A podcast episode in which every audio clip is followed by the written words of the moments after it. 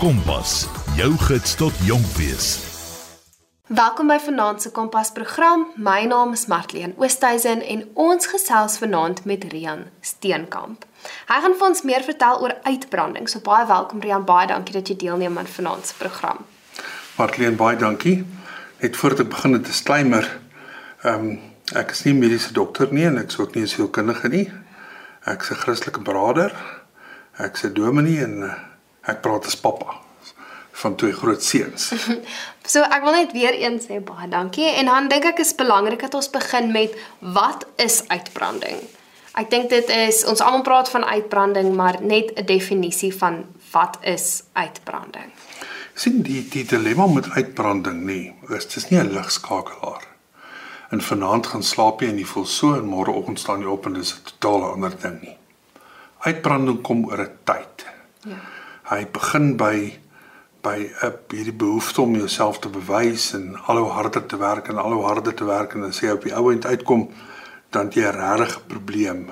Dan kan jy nie meer ontspan nie. Jy kan nie meer rus nie en jy voel net absoluut gedaan. En ek dink dis dis wat uitbranding in 'n sekere sin onderskei van die ander goed. Daar's eintlik niks wat dit beter maak nie. Ja. Jy kan soveel van goed doen soos wat jy wil of jy kan probeer om 'n bietjie ekstra aandag aan jouself te spandeer. As jy op daai punt gekom het dat jy uitgebrand het, dan maak bitter min meer 'n verandering aan hoe jy voel en hoe jy oor jou werk voel. En dan sien jy die moeilikheid. So ek sê altyd vir mense probeer om nie daai te kom nie. Want as jy daar is, het jy moeilikheid. Ek onthou toe ek gevra het oor hierdie program, toe sê jy ons moet nie praat oor hoe los mense dit op nie, ons moet praat oor hoe voorkom mens uitbranding. Ja. Ja. En jy sien dit dit begin gewoonlik by mense by mense werkplek. Ja. Ehm um, en op die ou en dan dan eindig hy in jou huis en jou gesin waar jy net niks meer voel nie. Uh, um, jy raak met niks meer opgewonde nie. Niks is meer vir jou lekker nie. Maar dit het nie by jou huis begin nie. Dit by jou werk begin. En ek dink ongelukkig is is deel van ons probleem dat dat ons 'n gemeenskap ontwikkel, groot word. Wat dink dat hoe besigger jy is, hoe meer suksesvol is jy. Ja. En as jy nie besig genoeg lyk like of besig genoeg is nie, dan is jy onsuksesvol. En en op 'n manier word daardie kultuur deel van van ons DNA. Ja. En van um, ons werkkultuur. Ja. En en, en, en dink mense dat om suksesvol te wees, om waardevol te wees, om 'n verskil te maak in die wêreld, moet hulle heeltyd soos muurtjies rondhardloop. Ja. Ehm um, en dis waar burnout sy sy self sy wortels inslaan in in mense se gemoedere. So sal jy vir my sê wat is die algemene tekens en simptome van uitbranding? Is daar so iets? Dink as as 'n paar eienskappe. Die eerste een is 'n totale verlies van energie en hierdie gevoel van absolute uitputting.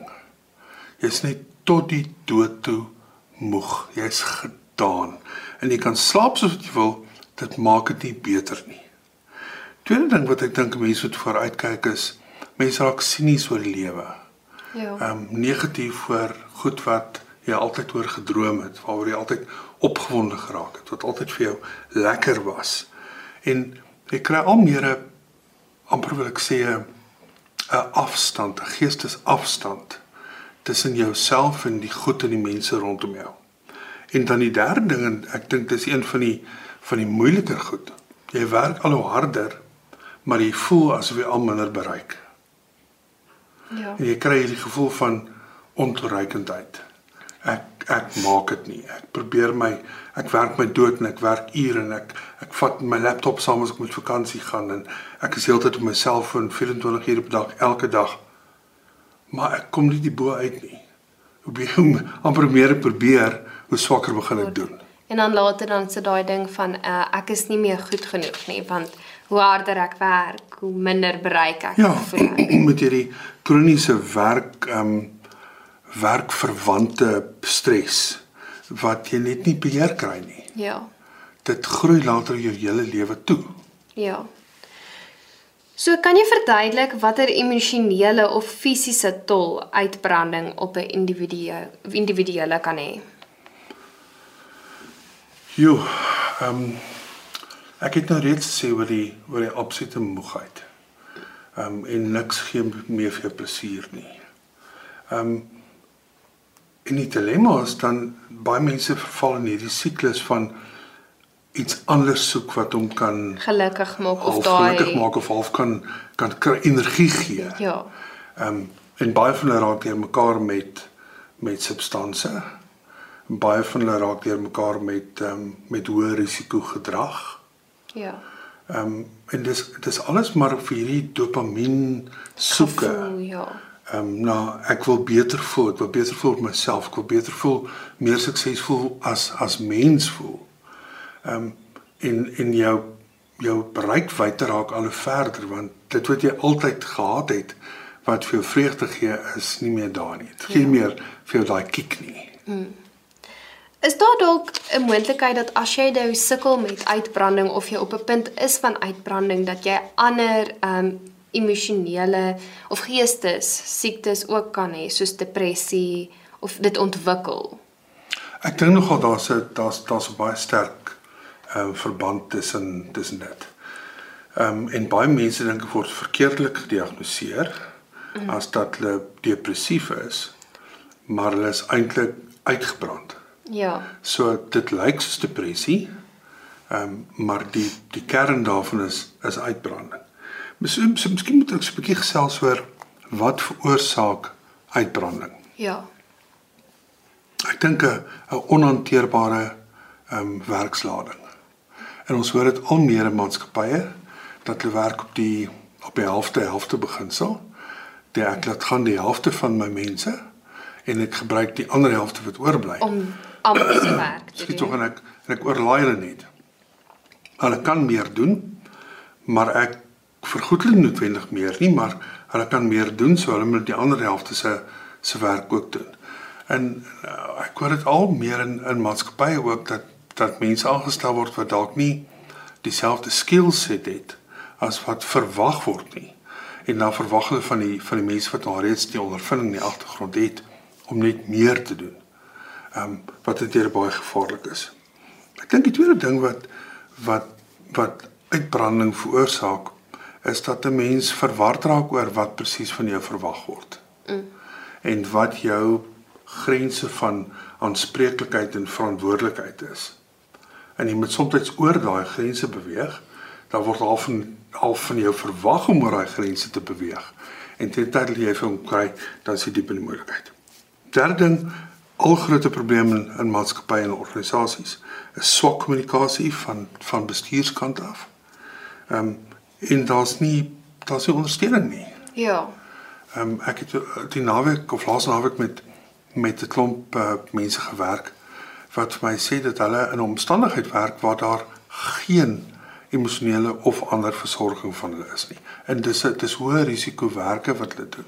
En hulle word dan verskriklik goed blootgestel. Blootgestel. Een van die groepe het eendag vir my gesê, hulle is die afgelope jaar was hulle al in 4 keer in gewapende roof gewees.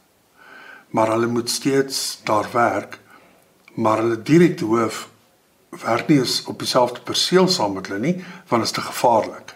Ja. Maar daar's daar's daar's ook nie daar's ook nie versorging van hulle. Ja. Ehm um, om om dit beter te hanteer. Emosionele versorging, ja. En dan ehm um, hierdie deadlines wat ons heeltyd jaag. Van ek kry vandag opdrag maar hy moet voor vanaand in wees en dit beteken dat ek nou nie kan 4 uur of half 5 of 5 uur huis toe gaan nie. Ek moet tot vanaand 9 uur werk, maar ek moet môreoggend weer eerste ding op kantoor wees. Hierdie ongelooflike druk en en deadlines wat wat heeltyd op ons af afforceer word. En dan onredelikheid. Ehm um, die Engels woord is unfair treatment. Dat mense beleef maar ehm um, een persoon kom weg met alles, nie 'n ander persoon ek moet maar net elke keer instaan vir alles of ons paar mense wat almal se werkslading moet hanteer en dit wat iemand anders nie gedoen het nie, moet ons doen. Dis onregverdig. Maar ons kan niks aan doen nie. So sê vir my, um hoe beïnvloed uitbranding dan nou uiteindelik jou professionele lewe en jou persoonlike lewe, veral jou huisomstandighede? Kyk, ons weet mos nou dat mense jou op swakste maniere by die huis kom uithaal. Want jy kan mos nou nie by die kantoor ontplof en daar's mos 'n bietjie moeiliker. So jy kom met baie van hierdie goed huis toe. En nou kom jy by die huis en nou het jy 'n klein ding wat wil hê jy moet jy moet aan hom aandag gee of aan haar aandag gee. En jy moet met jou vrou gesels en en jy is emosioneel net so oorweldig dat jy amper in 'n hoekie in jou kamer wil sit en in die ligte afsit en met niks en met niemand praat nie. So dit beteken dat 'n mens al meer onttrek by die huis. Jou draad is al hoe korter by die huis. Jy is sinies oor goed. Dit wat vir jou altyd lekker was om saam met die gesin te doen, jy het net nie meer daarvoor lus nie.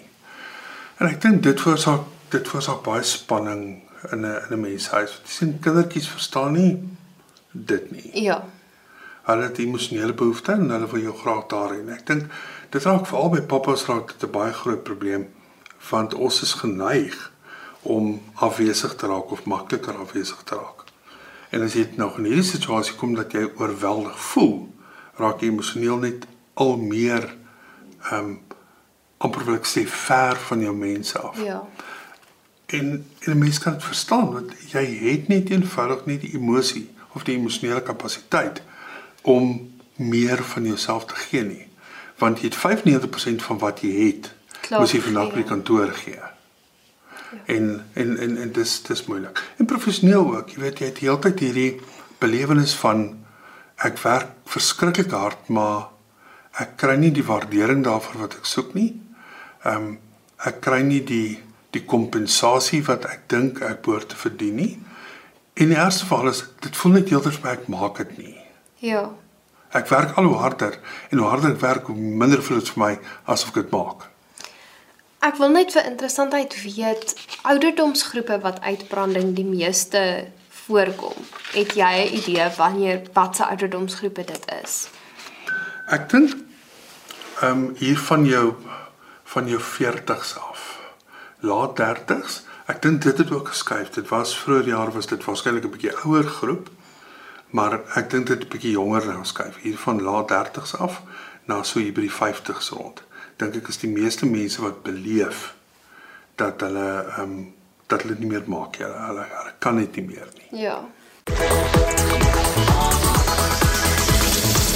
Ons gesels vanaand met Rian wat vir ons meer gaan vertel oor uitbranding en hoe voorkom mens uitbranding. So baie baie welkom en baie dankie dat jy ook deelneem aan vanaand se program. Baie dankie. Dit is my baie lekker om saam met jou te wees. So ek wil ook vra nou met uitbranding, hoe hoe is die balans tussen jou werkslewe en jou persoonlike lewe belangrik om uitbranding te voorkom? Is dit belangrik? Dis ongetwyfeld belangrik. Maar ek dink ons moet 'n stapie terugneem Ja. en vir onsself vra maar wat is ons waardesisteem? Okay. Want ek dink die waardesisteem, mense persoonlike waardesisteem, ehm um, het 'n effek op op daardie balans. Ja. Wat is vir jou belangrik? Ek dink is, is belangrik dat ons verstaan 'n mens werk. Maar werk is nie jy nie. Dis nie vir jou, is nie jou Dis nie persoonlikheid meer- nie. Ja, dis nie jy's baie meer as dit. En liewe Here het ons op hierdie ongelooflike manier gevorm dat ons regtig baie meer as ons werk kan wees. Die dilemma is party mense word Hulle werk. Ehm um, en dis hoekom jy mense kry wat nog diep in hulle 80's nie kan by die huis sit nie, want hulle weet nie wat om te doen as hulle by die huis moet sit nie. Ja. Ehm um, en dis ook my belangrik is dink ek van jongs af Marlene dat ons vir onsself moet moet hierdie pad amper wil ek sê karteer en sê ek is bereid om dit te doen. Ek is bereid om hierdie deel van my lewe aan my werk te spandeer, maar ek wil nie soos my pa of my oupa of my werkskollega wie dit ook al is werk tot tot ek die dag neerslaan en ek het niks in my lewe nie. Nou interessant genoeg, ons kry dit veral by die jonger persone. Dit maak my baie keer opgewonde. Te gelyk maak dit my baie keer gespanne. dat jy met jong mense werk wat 28, 30, 32 jaar oud is en hulle werk vir 'n rukkie by 'n maatskappy en dan bedank hulle en dan gaan toer hulle vir 6 weke in Europa. En dan kom hulle weer terug en soek hulle weer werk, dan werk hulle weer vir 'n paar maande en dan dan gaan hulle weer. Ja, dan toer hulle verder. Ja, hulle het nie mediese fonds nie, hulle het nie versekerings nie, hulle het nie huis nie, hulle het miskien 'n kar wat hulle afbetaal, maar dis hoekom trend dit. Ehm um, nou baie keer as ek sê maak dit my bietjie gespanne, dan dink ek maar Vaderland, waar gaan ons waar gaan ons eindig? Ja. Ek bedoel wat bly vir maatskappye oor? Oor. Ehm um, want hulle verloor daardie ongelooflike bron van ondervinding Ja. wat hulle tradisioneel altyd kon opbou vir mense wat 30, 40 jaar by hulle gewerk het.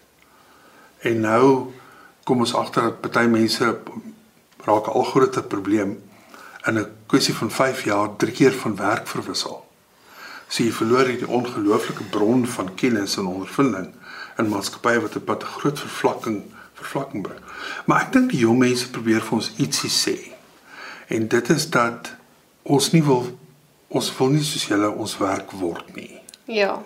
Ons wil 'n lewe hê en werk moet vir ons half finansier om te doen wat ons graag wil. Ja. En al stem ons nie noodwendig altyd daarmee saam nie.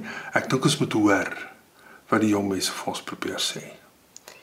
Dink jy die oorsaak van uitbranding het verander in die laaste tyd of dink jy dit bly altyd nou maar net dit dit begin by die werk? Ek dink uitbranding begin primêr by die werk. Ehm um, want dis die plek waar jy half geforseerd is om, om op 'n sekere manier op te tree En te doen. presteer. Ja. ja. Ehm um, en ek dink dit dit eindig baie keer soos laas keer ook gesê het in ons huise. Maar dit begin by die werk.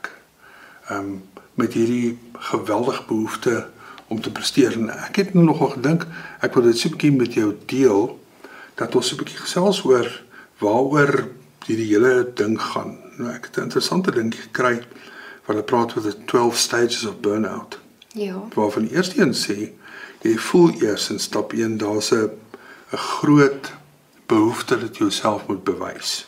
Ja. En dan raak jy al meer hardwerkend en probeer al hoe harder om dit te bereik.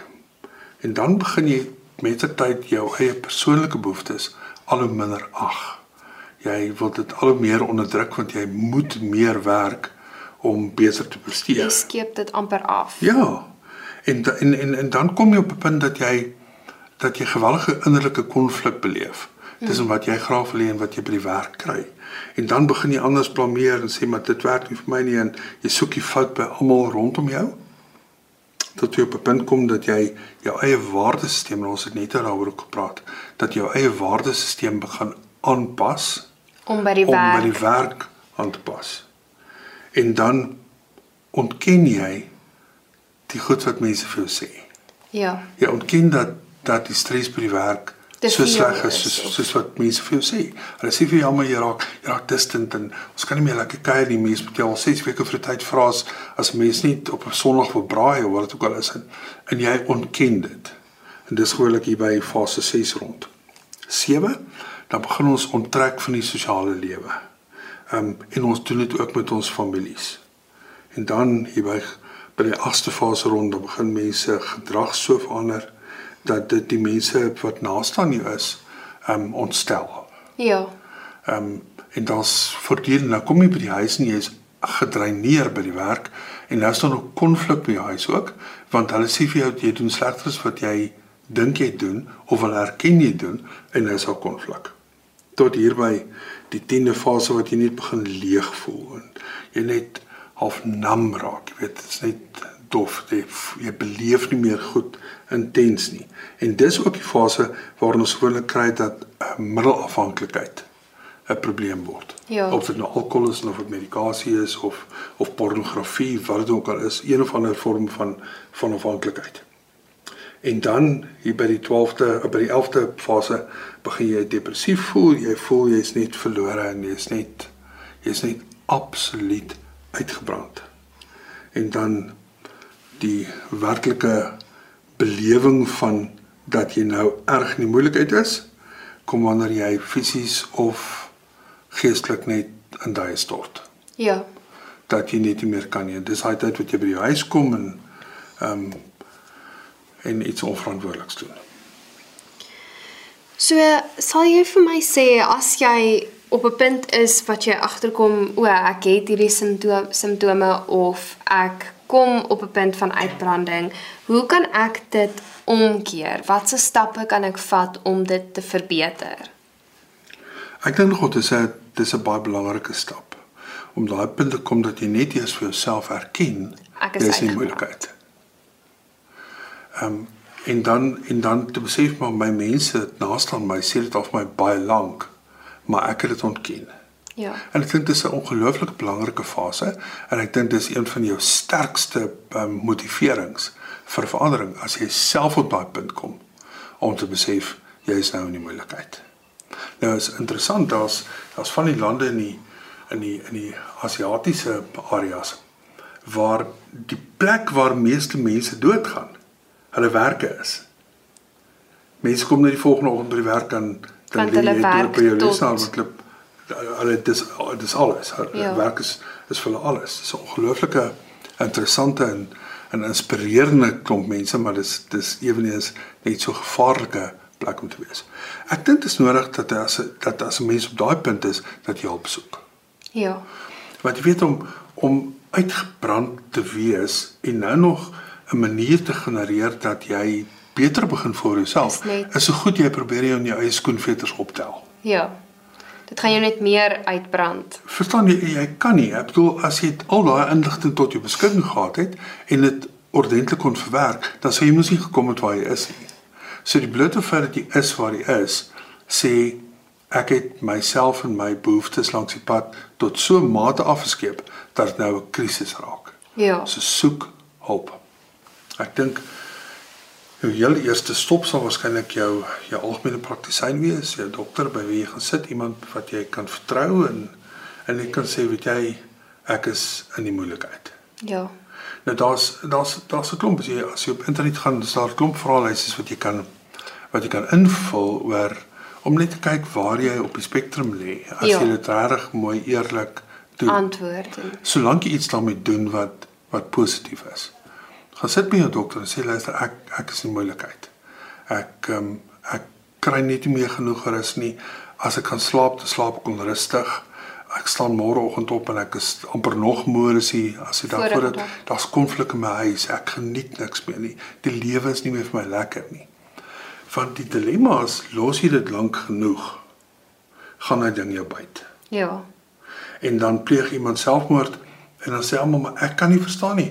Hy hy was so 'n suksesvolle ou gewees. Hy het hierdie hy het hierdie empire vir homself opgebou en en en en nou maak hy homself dood. Ja. Ehm um, en nou ons van nie daar wees nie.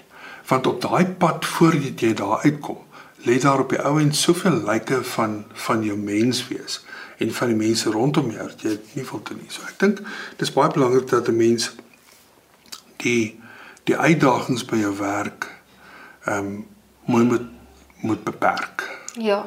En besef maar wat is regtig belangrik. Ehm um, en ek dink dis 'n denkproses wat ook by jouself moet kom, maar wat baie goed is. 'n Goeie sielkundige kan jou regtig, veral met met ehm um, en ons sal dalk een of ander tyd daaroor praat, die kognitiewe gedragsterapie en goeters het 'n ongelooflike goeie resultate wat hulle wat hulle vir jou kan kan help om net jou eie spanning en jou eie werkslading en jou eie motivering en jou eie prioriteite so 'n bietjie beter te skuif en en reg te trek. Ehm um, en ek dink regtig wanneer wanneer iemand daar is, moet dit nie alleen probeer doen nie. Doen dit saam met jou gesin, maar doen dit ook met 'n 'n 'n professionele, professionele persoon. persoon wat wat jou kan daarmee kan help, ja. Ek wil net verskriklik baie dankie sê dat jy deelgeneem het aan vanaand se program. Ek hoop dat hierdie help 'n klomp mense en um, dan ons net meer inligting het oor uitbranding. Verskriklik baie dankie. Um, my naam is Marlene Oosthuizen en dit was Kompas.